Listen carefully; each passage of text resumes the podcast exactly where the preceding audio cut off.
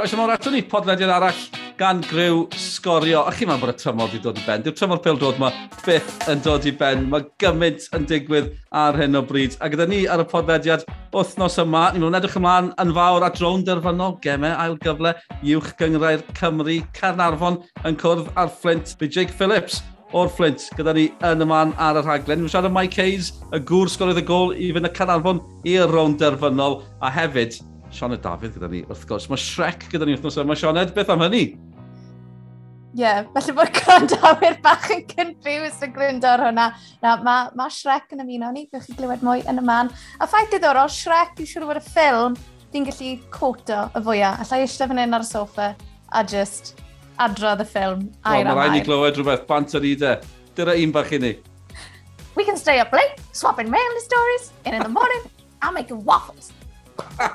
um, Neu esbonio pan fos Shrek gyda ni, yr actor Stefan Harry sydd gyda ni, sy'n chwarae yn y gol i gair sws tymor yma. Maen nhw wedi codi cwpan, maen nhw'n gobeithio codi cyngrair hefyd. Maen wedi cyrraedd gemau ail gyfle yn eu cyngrair nhw. Stefan Harry oedd yn actio Shrek rhag on bod just fi a Sioned yn trafod Shrek trwy gydol y podlediad.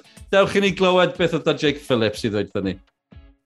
A Jake Phillips, croeso mawr ato ni, croeso mawr i bodlediad sgorio. Ti'n oce? Okay? Ti'n cadw'n iawn?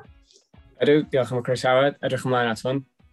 Nawr, fi'n mynd i weid, mae bach o fel lookalikes di ar sgorio wythnos me, achos nes i'r camgymeriad eitha embarrassing o alw Will Evans yn Emlyn Lewis yng Nghynarfon dros y penwthnos. A Jake, os rhywun erioed wedi gweithio ti, bod ti'n edrych bach fel Joe Allen.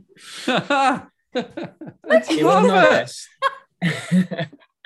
ar ddechrau tymor pan o'n i'n fatha bwriadu tyfu'n gwallt, Uh, es i lawr i gêm yn erbyn Penrhyw Caber yn y cwpan, ac oedd y fans gyd ar ochr, dyna holl geis i am y, am y gêm gyfan. ac ers hynny, dwi wedi dechrau gwybod mwy a mwy amdano fo, so um, mae gymryd hwnna fel un bach da, diolch. Mae hwnna'n compliment. Mae hwnna'n compliment, trust me. A'r Flint wedi cyrraedd y rond arfynol y gemau gyfle, felly uh, Jake, uh, gai o'n grymu yn garedig, ych chi bach yn lwcus erbyn pen y bont ar y pen wythnos? Ia, yeah, um, swn so i'n probably'n cytuno efo chdi i fod, fod yn deg. Um, dwi'n mynd un sydd yn mynd i ddeud oeddwn ni'n heiddi ennill. Um, oedd rhaid ni amddiffyn yn y gêm ac uh, da ni wedi gorfod wneud hwnna dipyn tymor yma ac uh, yn digon ffodus, nath ni amddiffyn yn gryf trwy rhan fwyaf o'r gema. Um, gafon nhw llwyth o gyfleon, uh, dipyn o peli fewn i'r cwrt ni ac oedd fel nes i ddeud, oedd rhaid ni amddiffyn. Ac uh, yn y diwedd, pan mae gemau yn mynd i, i cicio smotyn, gall unrhyw un ennill ac uh, ar y diwrnod ein, ein gol greidwad ni oedd, oedd, y ser y gêm yna. Yeah, John Rushton. Uh, fi ddim digon dewr i weid na wrth lot o bobl, ond achos bod ti'n fwy mor ffein. Fel Joe Allen, eich weid bod chi bach yn lwcus, a fi'n gwybod bydde dwi ddim uh, dadle gyda fi, chwarae A nes ti'n goffo cymryd cic o'r smotyn, chwaith? Na, na, pumed o'n ni. Um, Dwi'n yn gwybod sut nes i enio fan i'n pumed, ond y uh, pressure penalty fel maen nhw'n dweud, so o'n i'n reit lwcus bod wedi gorffen erbyn hwnna.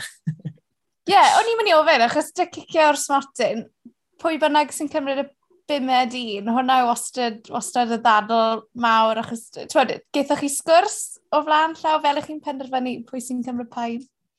I fod yn onest, na. Um, na nath y teulu gofyn fi, yeah, nath y teulu gofyn fi cyn i'r gêm, ydych chi wedi bod yn ymarfer cicio smotin, os yna rhyw fath o strwythyr gennych chi planiau, ac o'n i fatha, i fod yn onest, di hwnna ddim wedi croesi'n ein meddyliau ni. Um, oeddwn ni'n gobeithio sy'n wedi gallu gael y job di wneud mewn 90 munud, neu mewn amser ychwanegol os oedd angen, ond uh, pan mae'n dod lawr i, i cicio'r smotin ar diwedd y dydd, uh, y pobl sydd yn fwyaf hyderus i gymeryd nhw ar y dydd sydd, sydd fel arfer yn, yn cymryd nhw ac uh, nath hwnna gweithio'n ein fantais ni ar dydd sadwn. Felly, cyn i ni edrych mlaen at beth sydd i ddod, Jake, dewch i ni glywed gan, gan y giaffar, pe fyna chi'n galw Neil Gibson, chi'n galw fe'n giaffar, mae'n siŵr bos na rhywbeth, dewch i ni glywed gan reolwr Flint Neil Gibson. It's been a difficult season. Been a really difficult season if I'm honest at, uh, at the football club. And we've overachieved in in lots of areas I think. And you know our lads you know probably been running on empty now for a number of weeks um with the injuries that we've had and you know obviously the lack of resources we've got in comparison with other teams that we're playing against every week.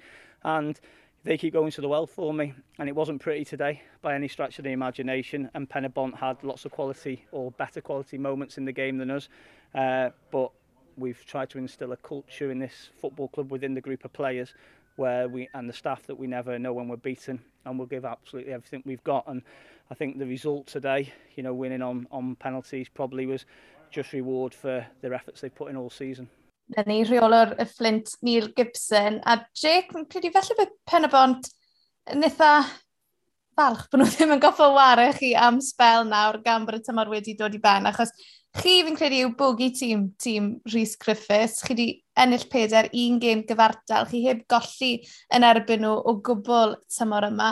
Dyw hwnna ddim yn rhy ffôl, achos fi'n gwybod ti gael ddiwedd y tymor na penabon cwmpo i beaches tymor bach, ond maen nhw wedi bod yn gystadleuol trwy'r tymor o'n i bai am y diwedd. Do, fel ti'n dweud, um, oeddwn ni'n hyderus mynd mewn i'r gêm ar diwedd y tymor yn dilyn y record yna. Um, oedd gennym ni fantais seicolegol dros nhw os licio di. Wrth gwrs, chwarae'r gêm gartref, dwi'n dwi, gwybod oedden nhw ddim yn hyderus dod at, at cael Castell efo'r safon ar cae ar diwedd y tymor. Ond uh, oedd rhaid ni defnyddio hwnna at ein fantais ni ac uh, dwi'n meddwl yn y diwedd, da ni wedi di heiddi curo nhw dros gydol o tymor ac uh, ella dyna pam ydyn ni sydd yn mynd mewn i'r gêm nesaf yn erbyn Cynarfon wsos nesaf. Ie, yeah, ond felly, os ti'n credu mewn bogey teams, achos mae Cynarfon yn bach o bogey team i'r Ffrentyn fo'n un buddigoliaeth mewn tair ar ddeg, 13, anlwcus i rai. Felly yw pethau fel la, o, diddorol nes ti wedi, o'ch chi'n ymwybodol o record yn efo'n pen y bont, felly chi'n un mor ymwybodol o record yn efo'n Cynarfon? Yn dan yn sicr, dwi'n meddwl weithiau pam da chi y tîm sydd yn golli, mae hwnna'n gallu weithio uh, yn erbyn chi yn fwy. Mm. Um, yn sicr mewn, mewn gêm mor fawr, um, yn gorfod teithio i ffwrdd at Cynarfon, yn gwybod fi y cefnogwyr yn, yn llawn hyder, yn, yn eu garfan nhw ac yn eu rheolwr nhw. Ac, um, mae rhaid i ni osgoi feddwl amdano hwnna wan. Mae gennym ni 90 munud o bel droed o flaen ni. Ac uh, ar y diwrnod, dwi'n credu bod gennym ni garfan ac uh, chwaraewr sy'n gallu ennill y gêm yna. Ac uh, dyna be fyddwn ni'n gobeithio amdano ar prynawn Sadwrn. Right, bogey team. Sioned, heb feddwl, Abertawe, pwy o bogey team nhw? Straight away. Sa'n gwybod, stoc yw e fel ar un, oh, ar un adeg. Yeah. Yn, yeah, siwr o fod Stoke. Fel ni'n mynd i wedi am Arsenal, ond o'n bogi tîm i Arsenal am gyfnod hir. Gaethoch chi Goodwin, o'n i'n gryndo ar y gêm ar y ffordd lawr o Gynarfon. O oh, ie, yeah, ni'n recordo hwn gachau'r wythnos cyn i Arsenal chwarae Spurs, felly uh, yeah. ni'n methu gweud llawer ar un o byd. Felly beth Dylan Ebs ddim ar gyfer y benod Crystal Palace anyway. yn fynd yn bach o bogi tîm i Arsenal. Ie, yeah, bogi teams, ni'n uh, Mae'n fascinating, Mae'n pethau fel am rhyw reswm. Mae rhai clybiau, ddim mynd dan clon clybiau eraill Wel, Jake, Cernarfon fydd eich gwrthwynebwyr chi yn y rown derfynol ar yr ofal dydd Sadwrn yma ac yn gynharach. Ges i sgwrs gyda'r gŵr sgoriodd yr unig gol i'r cofis yn erbyn Met Cyrdydd dydd Sadwrn, Mr Mike Hayes. Mike, great to have your company here on the Scorio podcast. First of all, have you recovered from the weekend? Because it was, it was quite the battle between you and Cardiff Met on the Oval on Saturday. Yes, um, always a tough game against Cardiff Met. The fit young lads, um, obviously train train regularly. Um, but no, we, we battled hard. We knew it was going to be a tough game and made up with the result in the end. Knew at half time that one goal might not be enough, um, but the, the lads held on and yeah, we made up with the result luckily one goal was enough and it was your goal that made the difference in the end. Talk us through the goal, but also that pass from Darren Thomas, it was almost as good as the goal, if you don't mind me saying yeah, that. I, I said to him straight away, it was a sublime pass. He, um, I think um, Bobby helped the ball on just to keep the um, the attack live. Um, and yeah, for, uh, that's just whipped it in, didn't he? The, the quality of the cross was brilliant and it, it was just about me being on my toes and beating. I think it was Emlyn, wasn't it? Just beating him to the ball, and just so happy to see the ball cross the line. Flint await you in the final this Saturday. What kind of game are you expecting? Because this is the second season in a row that Carnarvon have got to the final of the playoffs. Yeah. Are you looking forward to it? Yeah, looking forward to it. Um, for for the players that were there last season, obviously we we're still getting over um, it's taken us like the season to get over what happened in the final last year. It was amazing to get to to where we did. It was a hell of a um, game. I, st- I still remember that game. As a neutral, it was brilliant, but I can imagine it must have been so painful. Yeah, it was. I think for, for me, it was kind of a double whammy because I, I actually pulled my hamstring the or tweaked my hamstring the last training, the last kick of the training session before the game. So I went into that injured. Um, was feeling it first half, and then we obviously had the, the injury to Paolo as well, uh, the head injury. So half time we'd lost. We'd had to do two subs. Um, we were doing well though. I was sat in the stand, um, thinking of the what was to be, and then obviously just a mad ten minutes where we've I think we conceded three goals. We went from three two up to five five three down. Um, so yeah, to get there again is an amazing achievement for us. But we want to go one step further. Um, the Coffee Army deserve deserve that trip. I know it's not the European trip that um, it used to be, but I, it, any cup final, any trophy is going to be amazing for us. And yeah, we're really looking forward to it, and hopefully we can uh, do the, see the job out this time. I was going to ask that because, of course, this year it is different. It's not European that awaits the winner of the playoffs. Does that have an effect on you guys as players at all? No, not at all. As I said, it, it, it's a cup final. Um, we spoke about this um, since January. We got got ourselves into the top six. We were really hard to get there, um, and we finished fourth. We've we've finished in a really a really positive position. We've got the home tie, um, and whatever the, whatever the outcome, we, are going to get rewarded if we win. The um, fan base is absolutely tremendous, and like even like for me, I was, I think what what's brought it home for me is after the final last year against Newtown, after we lost, we've gone into the changing rooms absolutely devastated, as you can imagine. We went into the bar after the game, and obviously the fans weren't allowed in the ground either, which was worse. Mm. Um, but they're in people's gardens, on scaffolding, there's you on name the roofs, it. um, so to go in the bar afterwards, and they partied like we'd won it. So for, for them, getting to that final was wasn't it like a massive achievement in itself. If we can go that one step further and, and get them over the line this time, it's yeah, I don't think we'll be coming home. and your manager, Hugh Griffiths, you know, what kind of influence has he had on you personally, but also, you know, on the on the squad as a whole? Because you can see he's a manager that really, really cares about this club. Yeah, he's very passionate. Um, he always always talks about um, the desire and the hunger for the for the team of the fans, and yeah, always reminds us that we are a, we're a family.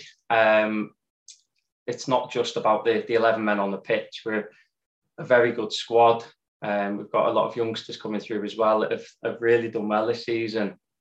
Um, so yeah, it, uh, for, for me, Hugh's been a big influence. He was the, the first manager that actually trusted in me as a youngster.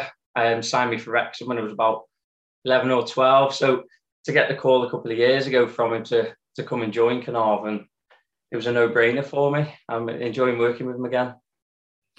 And for you, Mike, against Flint this season, you've scored three goals against them. I think I'm right yes. in saying, yes. which yes. you know isn't that's not too shabby. So they're gonna have to try and keep you quiet on the weekend. Yeah, it's it's always a battle against them. The big, strong, physical lads, well organised. Um, so I think if if we can win our battles first and foremost, um, and then play our play our normal game, and as, as you said, there, there hasn't been a nil nil. Um, there's been don't even know how many goals between us both, but a very high scoring game. So hopefully we can keep um, keep a clean sheet. I always say to Cuba, it's the last thing I say to Cuba before we go out, just keep a clean sheet and we'll win the game. Um, obviously, he did that at the weekend, so hopefully he can do it this week. And just finally, Mike, the fact that you're at home as well. I know perhaps your home record hasn't been as strong this season, but the fact that you'll be there, you'll have a home crowd, just how much of a boost will that be? It's huge. Um, when the Coffee Army are in full voice, it's amazing. Um, again, it's as well as working with you previously that the Coffee Army were one of my reasons for for going to Carnarvon. Um, playing against them in the past, it's it's quite a frightening place to go as a as an opposition player, especially um, for the big games or under the floodlights on a Friday night. So yeah, it's um, really looking forward to it. Um, I just hope we we can do them proud. Well, Mike, thank you so much for joining us. Best of luck on the weekend. Of course, we'll be there. It's live on Scoria. Thank you for your time and yeah, oh, enjoy enjoy the preparations this week. Thanks very much. See you soon.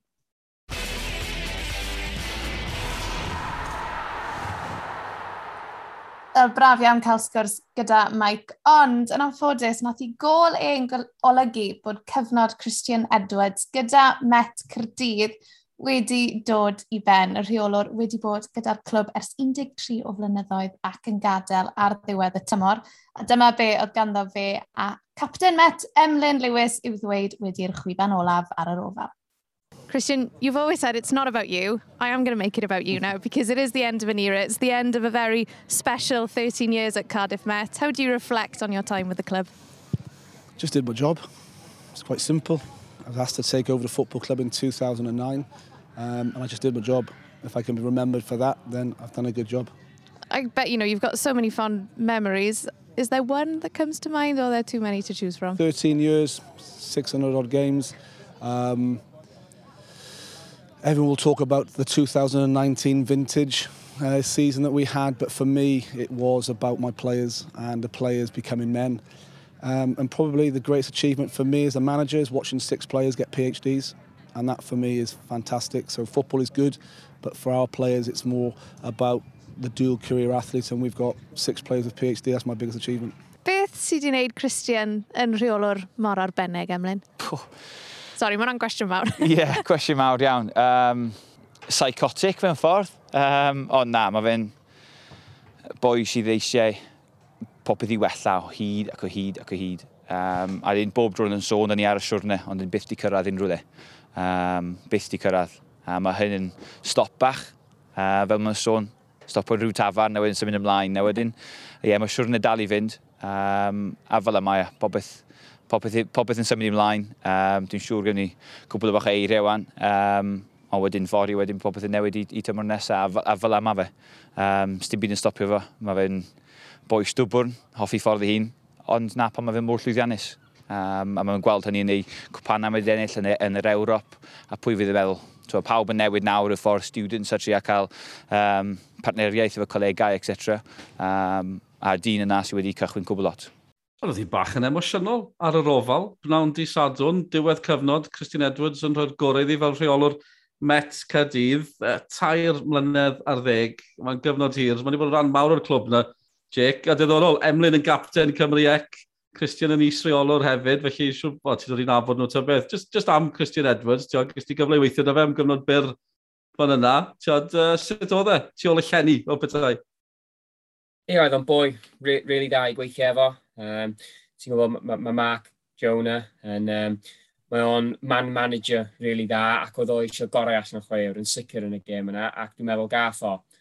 Ond uh, heb bach o gwaith gan Christine Edwards tactegol ac ar y cae ymarfer, oes o pethau wedi gallu bod yn wahanol ac uh, pan dwi wedi bod yn chwarae yn erbyn Met Cardydd, mae gen fo bob tro rhywbeth mae'n gallu newid. Mae'n gwybod yn union sut i chwarae yn erbyn tîmau gwahanol, os ydych chi'n edrych ar eich record o'n erbyn y seintiau newydd, mae'n reit da. Ac uh, mae gen i fo wbeth amdano fo sydd yn fanteisiol, sydd yn gadw iddo fo cael y canlyniadau bwysig yma pan bod yn angen. Ac uh, os ydyn ni'n edrych ar y record o gyda Met Cardydd, dwi'n mynd hollol siŵr faint o ffeinals maen nhw wedi cyrraedd dros y blynyddoedd diwetha, ond uh, yn sicr maen nhw wedi bod yn, yn garfan cryf ac uh, heb ddyfo, dwi'n gwybod sut, sut fysyn nhw wedi ymdopi yn, yn yr uwch Cymru. Ie, yeah, chwech nath e o weid at i a deg gwaith disadwn i ni. Fi'n credu, fi bron yn sicr mae chwech chwech yn gywir. Just o ran, tiad, fel crew, chi'n dod i'n nabod eich gilydd yng nghyfnod Cymru Ec, oedd yn swnio'n gyfnod arbennig iawn. Ti'n nabod y chwaraewyr yn y gyngred ta beth? Tiad, Ti'n dod i'n nabod pobl dros y tymhore? Um, Mae'n y rei. Um, dwi'n meddwl wrth gwrs pan ydych chi'n edrych ar lle ydych chi'n chwarae ar y cae, mae yna ma, ma, ma gyfleoedd wedyn i, i, i sgwrsio. Um, yn sicr, mae'n anoddach i, i cefnwr dde a cefnwr dde ddod i'n abod eich gilydd ar y cae yn neu cyn gemau, ond uh, mae'r cyfle i, i gynrychiol i Cymru ac uh, fel gyngrair yn dod ar chwaraewr fwy at ei gilydd yn sicr. Um, dwi'n meddwl Will Evans nath ddeud yn ei gyfaliadau o yn y gêm di sadwn, o na ddim, ddim fatha split rhwng y garfan, oedd pawb ni ymuno efo'n gilydd yn syth ar, ar y bore di llun pan nath ni ymuno. Ac uh, yn sicr nath hwnna cael fantais ar ein perfformiad ar y nos Wener, uh, y nos Fercher, sori. Uh, a dyna beth oedd sydd angen. Uh, chwaraewyr yn dod at ein gilydd efo'r un nod o ennill y gêm i, i Gymru, ddim yn feddwl nhw di'r chwaraewr gorau neu o pen y bont yn well na Met Cardydd, oedd pawb yna fel un. Ac uh, yn sicr nath y tîm rheoli wneud yn siŵr nath hwnna digwydd ac uh, nath nhw roi'r cyfle iddyn ni mynd allan i ennill y gêm yna ar y nos fercher. Ie, yeah, mae fe mor neis, cos yn amlwg ni'n gweld chi'n mara yn erbyn eich gilydd bob wythnos, ond mae'n rhaid i wedi, mae'r rhywbeth eitha special am weld chi gyd yn yr un tîm, i gyd yn gwisgo Cris Cymru, lle llai ddychmygu o safmaint y chwaraewr, mae fe hyd yn oed yn fwy special, achos ni jyst na motio chi, chi sy'n actually wara. Ie, yeah, yn sicr, mae ma, ma cyfle i tynnu'r Cris Cymru, Cris Coch yn amlaen ar unrhyw lefel yn arbennig i unrhyw chwaraewr. Um, dwi'n gwybod bod yna lot o chwaraewr yn y gyngrair yma sydd wedi chwarae i Cymru y tîm cyntaf ac uh, dwi'n siŵr fysa wedi bod yn digon arbennig iddyn nhw cael y cyfle i, i gynrychioli Cymru C uh, cos mae'r cyfle i gynrychioli Cymru yn un arbennig ac uh, wna i byth anghofio'r noson yna. Ie, yeah, oedd eitha arbennig. Chwarae teg, am ganlyniad. Um, mae rhaid ni holi am Rexham hefyd, Jake, dy dad, Wayne, Wa, mae fe jyst yn legend o'r clwb. Mae fe jyst yn reol gyda'r gyda tili. Sorry, Jake. Ie, yeah, a mae fe'n cymryd lot i rywun, achos fel cymnog o'r Arsenal, wwff, mae da fi emosiynau cymysglid iawn pan mae'n dod i Rexham, a Mr Wayne Phillips hefyd, o na, mae wedi cael myddeiant erbyn hyn. Ond fi ysdyn am gyfnod i'r hefyd, am faint o ti gyda'r clwb? So nes i gychwyn chwarae pel droi pan o'n i'n ifanc, Um, fi'n cofio mae gennau llun yn yr ardd gefn yn, yn llawn Kit Rexham efo dad. Ac uh, ers hynny, nes i, oedd gennau pel bob man o'n i'n mynd. Ac o'n i'n digon ffodus i awyrddau i Rexham pan o'n i'n wyth. Ac uh, ges i 11 blwyddyn efo'r clwb reit trwyodd i, i, i captain y tîm ieuenctid tan o'n i'n 19. Ac oedd hwnna'n profiad gwych. Ond uh, yn anffodus nath o ddim cweith gweithio allan yn fanna. Ac uh, ar, ar, ar y pryd, o'n i bach yn um, oedd gennau rhywbeth yn erbyn Wrexham ar y pryd pan geis i ryddhau. Um, ac o'n i dal eisiau iddyn nhw fod yn, yn llwyddo, ond uh, oedd na rhywbeth yna yn tu ôl meddwl fi yn, yn bach yn upset os lycio di bod geis i ddim y cyfle o'n i'n meddwl o'n i'n heiddi. Ac, uh, ond erbyn hynny, um, dros y flynyddoedd mynd heibio, dwi wedi fod yn fwy gefnogol ac yn gefnogol ac yn gefnogol ac uh, erbyn wan, swn i'n dweud bod dwi wedi bod i tua deg gêm tymor yma. Ac uh, Mae'r ffaith bod fi'n chwarae pob, bron i bob dydd sadwn yn neud o'n anoddach, ond uh, pan mae yna gyfle yn dod yn sicr fyddai yna ac uh, mi wnes i fwynhau dydd sadwn a dydd syl diwetha yma gyda a Flint yn ennill a Wrexham yn ennill. Fi'n cymryd bod ti heb gwrdd Ryan Reynolds a Rob eto. na, dwi ddim mor ffodus o hwnna eto, yn anffodus. Oh. O'n i'n reit, o'n i'n feddwl fos nhw wedi bod yn y gêm fawr ar dydd syl, ond uh, dwi'n meddwl oedd gen i priorities o gwylio'r Miami F1 neu uh, rhywbeth fel yna. so, uh, dyna pam oedd o ddim yna. Ond uh, mae gen nhw dipyn o gemau dal i ddod, ac yn uh, swn i'n syni os dyn nhw ddim yma eto tymor yma. Wel, ie, yeah, sawl, tiod, sawl gym, na'r cwestiwn, achos ni'n recordio yn gym cyn i stop bod chwarae ganol wythnos. Tiod, falle bydd llai o gemau na ti'n meddwl, fi'n gwybod maen nhw'n mynd i Wembley yn tlws FA Lloegr, byw yr esbydrec gyda llaw, plug plug, i hwnna. Ydy nhw gallu neud i yw Stockport yn fynd i faglu sut ti'n gweld pethau? Os da ni'n mynd nôl i bogey teams, mae Torquay wedi bod yn bach yn bogey team i Wrexham flwyddyn yma. Ah, okay. Un pwynt maen nhw wedi gael. Ond os ydych chi'n edrych ar record Stockport yn erbyn Torquay, di hwnna ddim yn greit chwaith. So mae bob dim di groesi bod Torquay yn mynd i wneud ffafr bach iddyn ni uh, ar nos fercher. Ac uh, wedyn fydd o'n sicr yn mynd lawr i'r gêm ar diwedd y tymor uh, Wrexham i ffwrdd yn Dagenham, sydd ddim yn mynd i fod yn gêm hawdd ond mae, mae Stockport yn chwarae yn erbyn Halifax sydd eto ddim yn mynd i fod yn gêm hawdd ac uh, dwi'n meddwl bod hwn sy'n neud y, y, y, y gyngrair yn gwell Am ydych chi'n gweld y gemau yma mor, mor, mor arbennig, mor bwysig yn mynd reit lawr i'r gêm olaf yn y tymor ac mae yna dal cyn gymaint i chwarae iddi. Mae'n andros o arbennig i, i fod yn gefnogwyr, ond i, i bobl sydd yn, o tu allan sydd yn gwylio'r gyngrar, mae hefyd yn arbennig iddyn nhw a ni'n gwylio game Stockport, a dylen nhw arwyddo ti'n ôl achos o tafliadau hir na. Bydde ti'n berffaith, Jake. a dyna'r peth rwan, dwi'n meddwl bod cyn gymaint o clybiau yn defnyddio fo. Um, pan nes i yn gyntaf dod i'r gymrar, dwi'n meddwl oedd pawb di syni, cos o'n i mor fach, faint mor bell o'n i'n gallu taflu fo. Os, ond os ti'n edrych trwy'r gyngreiriau wan, ti'n gweld cyn gymaint o bobl yn defnyddio fel arf ac uh, fel fantais. Ac uh, dwi'n siŵr flwyddyn yma, da ni wedi bod yn digon ffodus yn Flint i sgorio lot o goliau ohono fo, ond dim o areidrwydd y tro gyntaf i'r pel mynd fewn i'r bocs, ond gan i fod fel arfer, di'r amddiffyn methu clirio fo'n gwbl yn gwbl ac mae'r pel yn mynd nôl i'r bocs, neu mae, mae cic rydd yn dod allan ohono fo, neu cornel ac uh, yn y diwedd mae'r pwysau ohono fo yn mynd mewn i'r bocs tro ar ôl tro, uh, yn, yn rhywbeth da ni wedi bod yn defnyddio yn Flint flwyddyn yma.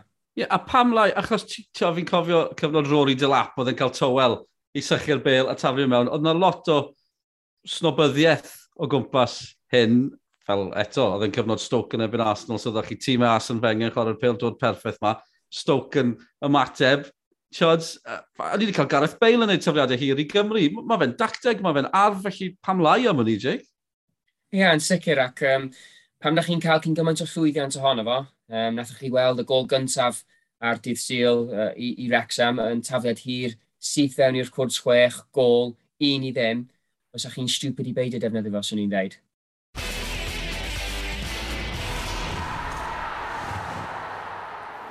Dewch chi'n edrych ar y pyramid nesaf. Dwi wedi bod yn mwynhau edrych ar y cyngleiriau is trwy gydol y tymor. A un stori fawr sydd wedi digwydd yn barod, mae rheolwr Pontypridd sydd newydd esgyn i uwch gyngred Cymru, newydd adael y clwb. Jonathan Jones wedi cyhoeddi wythnos yma, bod e'n rhoi'r gorau iddi, a'r clwb yn sôn mae rhesymau teuluol yw hynny, felly pob lwc i Jonathan yn y dyfodol, a pob lwc i'r clwb, maen nhw angen reolwr ar fris ar gyfer y tymor newydd, a reolwr sydd gyda'r drwydded gywir hefyd. Yn just o ran y cyngreiriau is, ni yn cyrraedd diwedd y tymor, a mae yna gemau ail gyfle o ran rhaid i sy'n ceisio esgyn i'r cyngreiriau yn y gogledd a'r de, sef rhaid i sydd un o dan uh, uwch gyngred Cymru, y Cymru North, y Cymru South. Fe allan ni gael sefyllfa yn y gogledd, le bod prestatyn yn disgyn i'r drydedd hain, mae yna broblemau o ran eu trwydded nhw.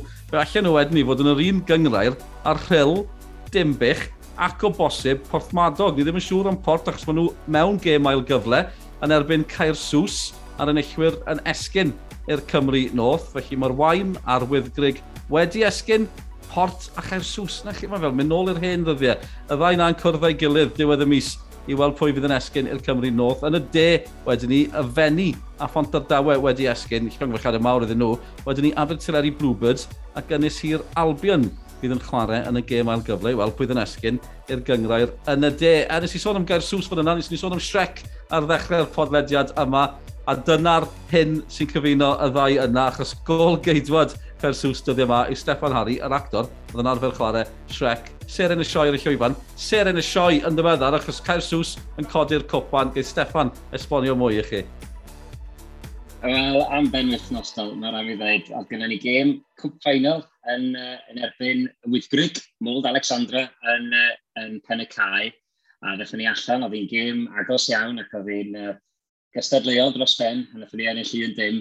Uh, ac ie, di, di cymryd y cwpa nôl i Garsws. A wedyn, o'n i'n chwerthin, o'n i'n edrych ar, um, ar Twitter ar ôl y gêm. Ac oedd un o um, ddilynwyr with Greg di dweud, uh, oh, Carsws is keeper is an actor. Oh, explains everything. Pam, beth o ti wedi gwneud i wylltio nhw?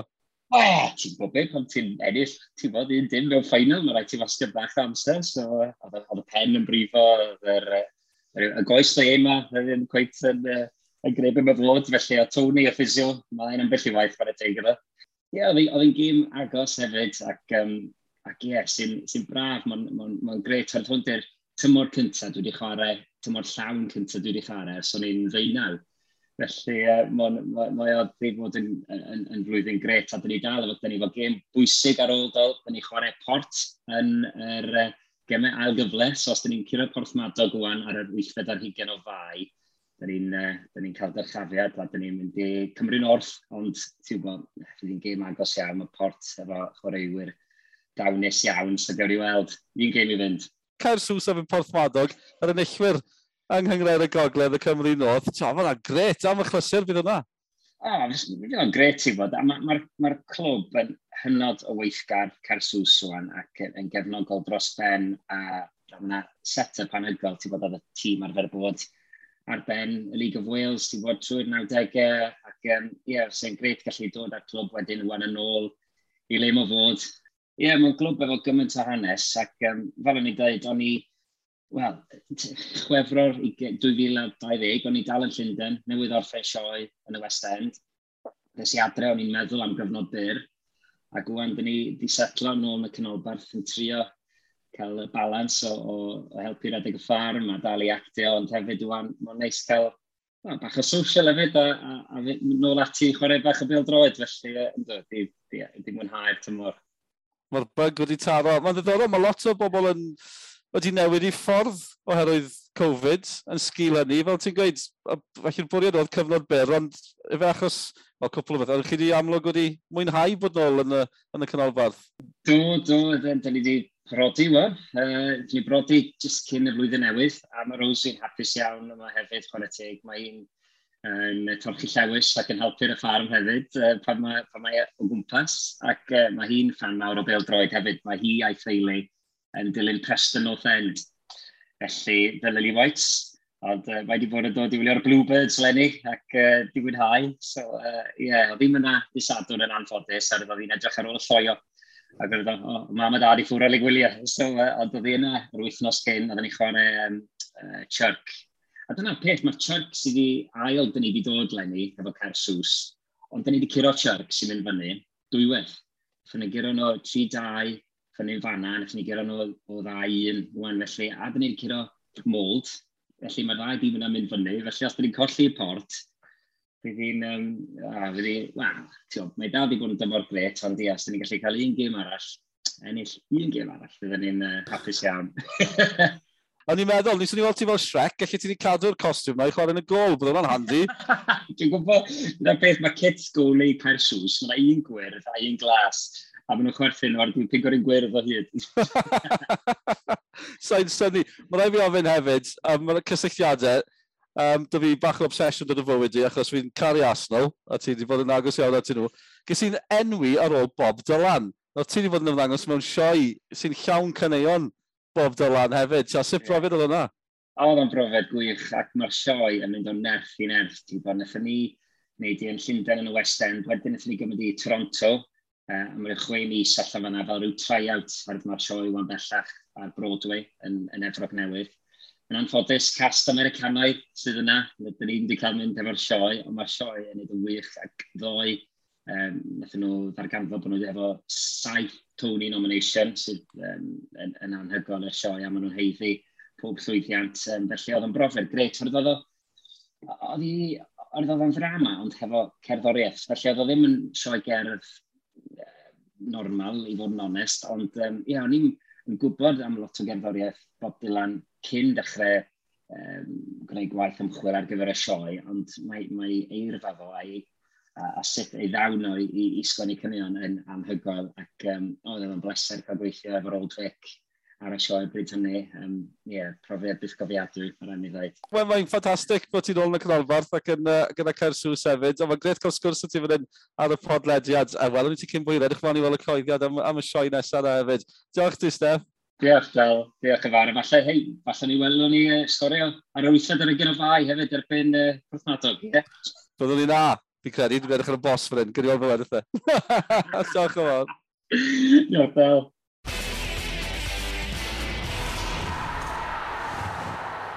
amser i ni gymryd breg bach o'r gêm domestig a ffocysu ar chwaraewyr Cymru a sut maen nhw'n wneud gyda'i clybiau nhw ar y funud, gyda llai na mis i fynd tan gemau cyngrair y cynhedloedd ac wrth gwrs y gêm enfawr yn erbyn naill ai'r Alban neu Ukraine i gyrraedd cwpan y byd Cyta sy'n digwydd ym mis Tachwedd eleni. A nawr ni ddechrau gyda Fulham. Fulham yn ennill y gyngrair, ennill y ben campwriaeth, felly Sion gyfyrchiadau enfawr i Harry Wilson a Nico Williams. Nath Fulham giro Luton o saith gol i ddim i selio'r ben campwriaeth a'i lle nhw yn uwch gyngrair Lloegr tymor nesaf gyda, drumroll, Bournemouth, llong gyfrchiadau i Bournemouth. Cif y Mô yn rhoido'n hwyr i sgorio'r unig gol yn y gêm enfawr yna yn erbyn Nottingham Forest wythnos diwetha. Felly llong gyfrchiadau i Harry, Nico a Cif y A mwy o newyddion da i gefnogwyr Bournemouth a mwy o newyddion da i gefnogwyr Cymru wrth gwrs gyda David Brooks Yn rhyddhau datganiad ar i dudalen Instagram yn gweud bod i driniaeth cancer wedi bod yn llwyddiannus a bod e nawr yn gallu mynd nôl i chwarae pêl-drod, felly i ni mor, mor falch o glywed y newyddion anhygoel yma a dau broc sy'n ni ffili aros i weld ti nôl mas ar y car. Oedd hi'n brynhawn arbennig i Ben Davies gath ei seren y gêm yn erbyn Lerpwl. Nath e lwyddo i gadw Mo Salah yn dawel iawn gêm gyfartal 1 yr un yn erbyn Lerpwl, sy'n newyddion da i Manchester City o ran y ras i ennill uwch gyngrair Lloegr. Gêm enfawr i ddod yn erbyn Arsenal no Sil yma. Spurs yn erbyn Arsenal. Mae Dylan Ebs yn caru Ben Davies. Ond mae Dylan Ebs hefyd yn caru Arsenal. O'n i'n i gyd yn gwybod pwy fydd Ebsyn cefnogi wrth gwrs. Yn ola, Brennan Johnson, llongyfarchiadau iddo fe, enillydd chwaraewr ifanc y tymor yn y bencampwriaeth. Mae Brennan Johnson, neu Meep Meep, fel i ni'n lygo galw fe nawr, diolch Ruben Colwell, wedi sgorio 16 gol i Nottingham Forest tymor yma. Ond ni bron, dod i ddiwedd y podlediad am wythnos arall. Jake Phillips wedi bod yn cadw cwmni ni. Gret gael dy gwmni di, Jake. Um, dyma dan yma, criw cynnwch chi sgorio, jyst wedi rhoi'r gorau iddi. Maen nhw ar y trath yn barod am yr haf. Maen nhw'n gofynnwch be bynnag chi eisiau i Jake. Felly, uh, ti'n iawn? Popeth yn iawn, Jake? Sef fi'n cwestiynau ar ôl. Na, sef mae'r haf yn edrych? Beth yw'r cynlluniau i ti dros y haf, felly? Cyfle i ymlacio? Ie, yeah, yn sicr. Um, dwi uh, bron a gorffen fy ail flwyddyn yn brifysgol. Um, a hyn o bryd dwi'n astudio i fod yn uh, athro gynradd. Um, ac felly, gan ei bawb, dal dipyn bach o gwaith papur i wneud dros yr wythnos neu ddau nesaf, ond uh, bydd y ffocws os yma ar y gêm mawr dydd Sadwn, ond ar ôl hynny, bydd yna gyfle i ymlacio, um, a wedyn paratoi at flwyddyn nesaf o ran pêl droed unwaith eto, ac uh, dyna fel arfer sut mae'r ma haf yn mynd i fi. Dim pêl-droediwr cyffredin, mo Jake Phillips. Mae hwnna ben dan Sianed. Ti'n athro strict. Ti'n rhi neis i fod yn strict, fi'n teimlo. e, I fod yn onest, pan ydych chi'n gweithio efo'r plant, fatha reit bach, um, dyn nhw ddim angen hwnna as such, os lyci di. Um, dych chi'n angen codi eich llais cyn gymaint. Ond uh, dwi'n wedi cael y cyfle i gweithio cyn gymaint efo blwyddyn 5 a 6 eto, ond um, mm i'r amser mynd heibio, alla fydd rhaid i fi ddechrau ddod yn fwy strict. a Jake, fi'n gwybod, mae dy war di'n dod i watchan ti'n aml, felly yw, yw pildrod really yn twyd rhedeg trwy'r tili cyfan ydw yn rhan mawr o'ch bywydau chi gyd? I fod yn honest, mae'r ma, teulu cyfan yn, yn hollol cefnogol. Um, mae mam a chwaer, fel ti'n dweud, yna bron i bob gêm. Um, maen nhw wedi gwneud dipyn o teithio lawr i de Cymru dros y flynyddoedd hefyd i gwylio'r gemau. Ac mae dad yna bob tro mae'n gallu. Wrth gwrs mae gwaith sylwebu fo yn neud o'n chydig bach yn anoddach. Ond uh, pan mae'r mae teulu yn mynd i'r gemau, mae o'n gael yr updates yn syth. Um, dim ots beth sy'n digwydd, mae'n gwybod cyn neb. Ac, uh, Rai fi wedi sadwn, o'n i'n gweld y text yn dod trwy ddo, oedd e'n sefyll ar bwys fi, o'n i'n byth di mynd ar yr air, a na o dy dad yn darllen y text. Ie, yeah, so um, Ie, yeah, ond uh, mae'n reit rhyfedd, really. Pan o'n i'n bach, wrth gwrs o'n i'n chwarae uh, i Wrexham ac oedd y chwaer yn cysau pel droed. Oedd gen i ddim diddordeb o gwbl codi bore dydd syl i mynd i Walsall, i Shrewsbury, i'r holl llefydd erchill yma. Ac oedd hi just ddim eisiau ddod. Ond uh, erbyn nhw'n, mae'n cefnogol. Uh, mae'n edrych ymlaen at gemau mwy na fi weithio ar pnawn disadwn ac uh, mae'n ma, rili really dda bod y teulu mor cefnogol ac yn edrych ymlaen at y gemau efo fi. Ond uh, dwi'n gefnogol nôl iddi hi, um, wrth gwrs, os, fel dwi wedi dweud, um, dwi'n neud y cwrs i fod yn athro gynradd, a hi nath ysbrydoli fi fynd at hwnna, cos dyna be mae hi'n neud ar hyn o bryd, ac uh, da chi'n gweld ni lot o nosweithiau yn cael trafodiaethau amdan pil droed neu amdan ein gwaith addysg ac mae'n dod ato fi am syniadau i be gael wneud ar gyfer maths ac uh, mae'n gweithio y ddwy ffordd ond uh, ie, yeah, mae'n gwych cael nhw ar ochr y cae bron i bob, bob gêm ac uh, fi jyst yn gobeithio bod ni'n gallu talu nhw'n ôl efo'r ffydd yna ar Bnawn Sadwn. O, oh, mae'n mor braf. So, mae'n teulu mor bwysig. Uh, mae'n braf gweld chi gyd gyda'ch gilydd yn cefnogi fel ti'n gwybod. Ti'n beth sy'n cael sylw fi hefyd tymor yma, mae llwyth o bobl bod tro maen nhw'n gweld ti'n canol cae yn cael sioc yn mynd, o, maen nhw, Jake Phillips allan o'i safle. ti ddim o gwbl. Ti wedi newid safle. Ti beth am hynny? Ti'n gyfforddus o ran dy gêm ar hyn o bryd? Ie, yeah, dwi jyst yn meddwl bod lot o pobl pam da chi'n cael safle, os lygu di, yn, yn, yn, yn rhoi chi yn y safle yna, dim ots be, be di'r di garfan, ac uh, mae lot o pobl dal i weld bod Jake Phillips o cefnwr dde di, ond uh, os wneud i edrych ar ein tîm mae ni flwyddyn yma, swn i'n dweud bod wedi chwarae bron i hanner y gemau yna yn canol cae, ac uh, mae'n rhywbeth mae Neil Gibson wedi rhoi digon o ffydd yn ddi. Um, da ni wedi bod yn ymarfer lot o, o nosweithiau ac mae'n dod ato fi ac yn dweud dwi eisiau chi chwarae'n canol cae wrth yma, dyma'r rhesymau pam, neu dwi'n mynd i roi nôl i Kevin cefn ddeddeg, dyma'r rheswm pam, Kevin o'r chwyth, right wing back mewn uh, Kevin pimp os lyci di, ac uh, dwi jyst yn mwynhau chwarae, ac uh, pan dwi allan ar y cae, dwi'n neud be bynnag dwi'n gallu neud i ceisio cael y tri phwynt ar gyfer Flint, ond uh, yeah, dwi'n really mwynhau chwarae'n canol cae ac uh, yn edrych ymlaen am gael mwy o cyfleon yn y flynyddoedd nesaf yn fanna. Ie, yeah, mae pobl yn neud da mewn bywyd, sorry Sionet, just, dim just pildroed hwnna, mae pobl yn rhoi pigeonhole yw e, yn, maen nhw'n penderfynu, right, na beth yw swydd ti, na beth yw rôl ti. A mae'n bwysig bod yn hyflyg, a ti wedi dangos ni'n bendant, Jake. Yna pam i ti really yn moffo mewn i Joe Allen. ti'n dechrau wario fel e, a ti'n edrych fel e. Ar y nod yna, e, Jake, diolch o galon am ymuno a ni a chofiwch mae'r gêm rhwng Cynarfon a'r Flint yn fyw ar-lein ar sgorio am gwarter i ddau prynhawn dydd Sadwrn. Hefyd, gyda llaw, cerch draw i wefannau cymdeithasol sgorio Adebayo ac yn ffenwa yn ddeugen oed wythnos yma, a mae dyn ni hen fideos o fe'n chwarae er bari bron 20 mlynedd yn ôl. Beast mode, oedd e dal yn gawr adeg hynny. Gwyliwch, mwynhewch, ond i chi cyn fwyr.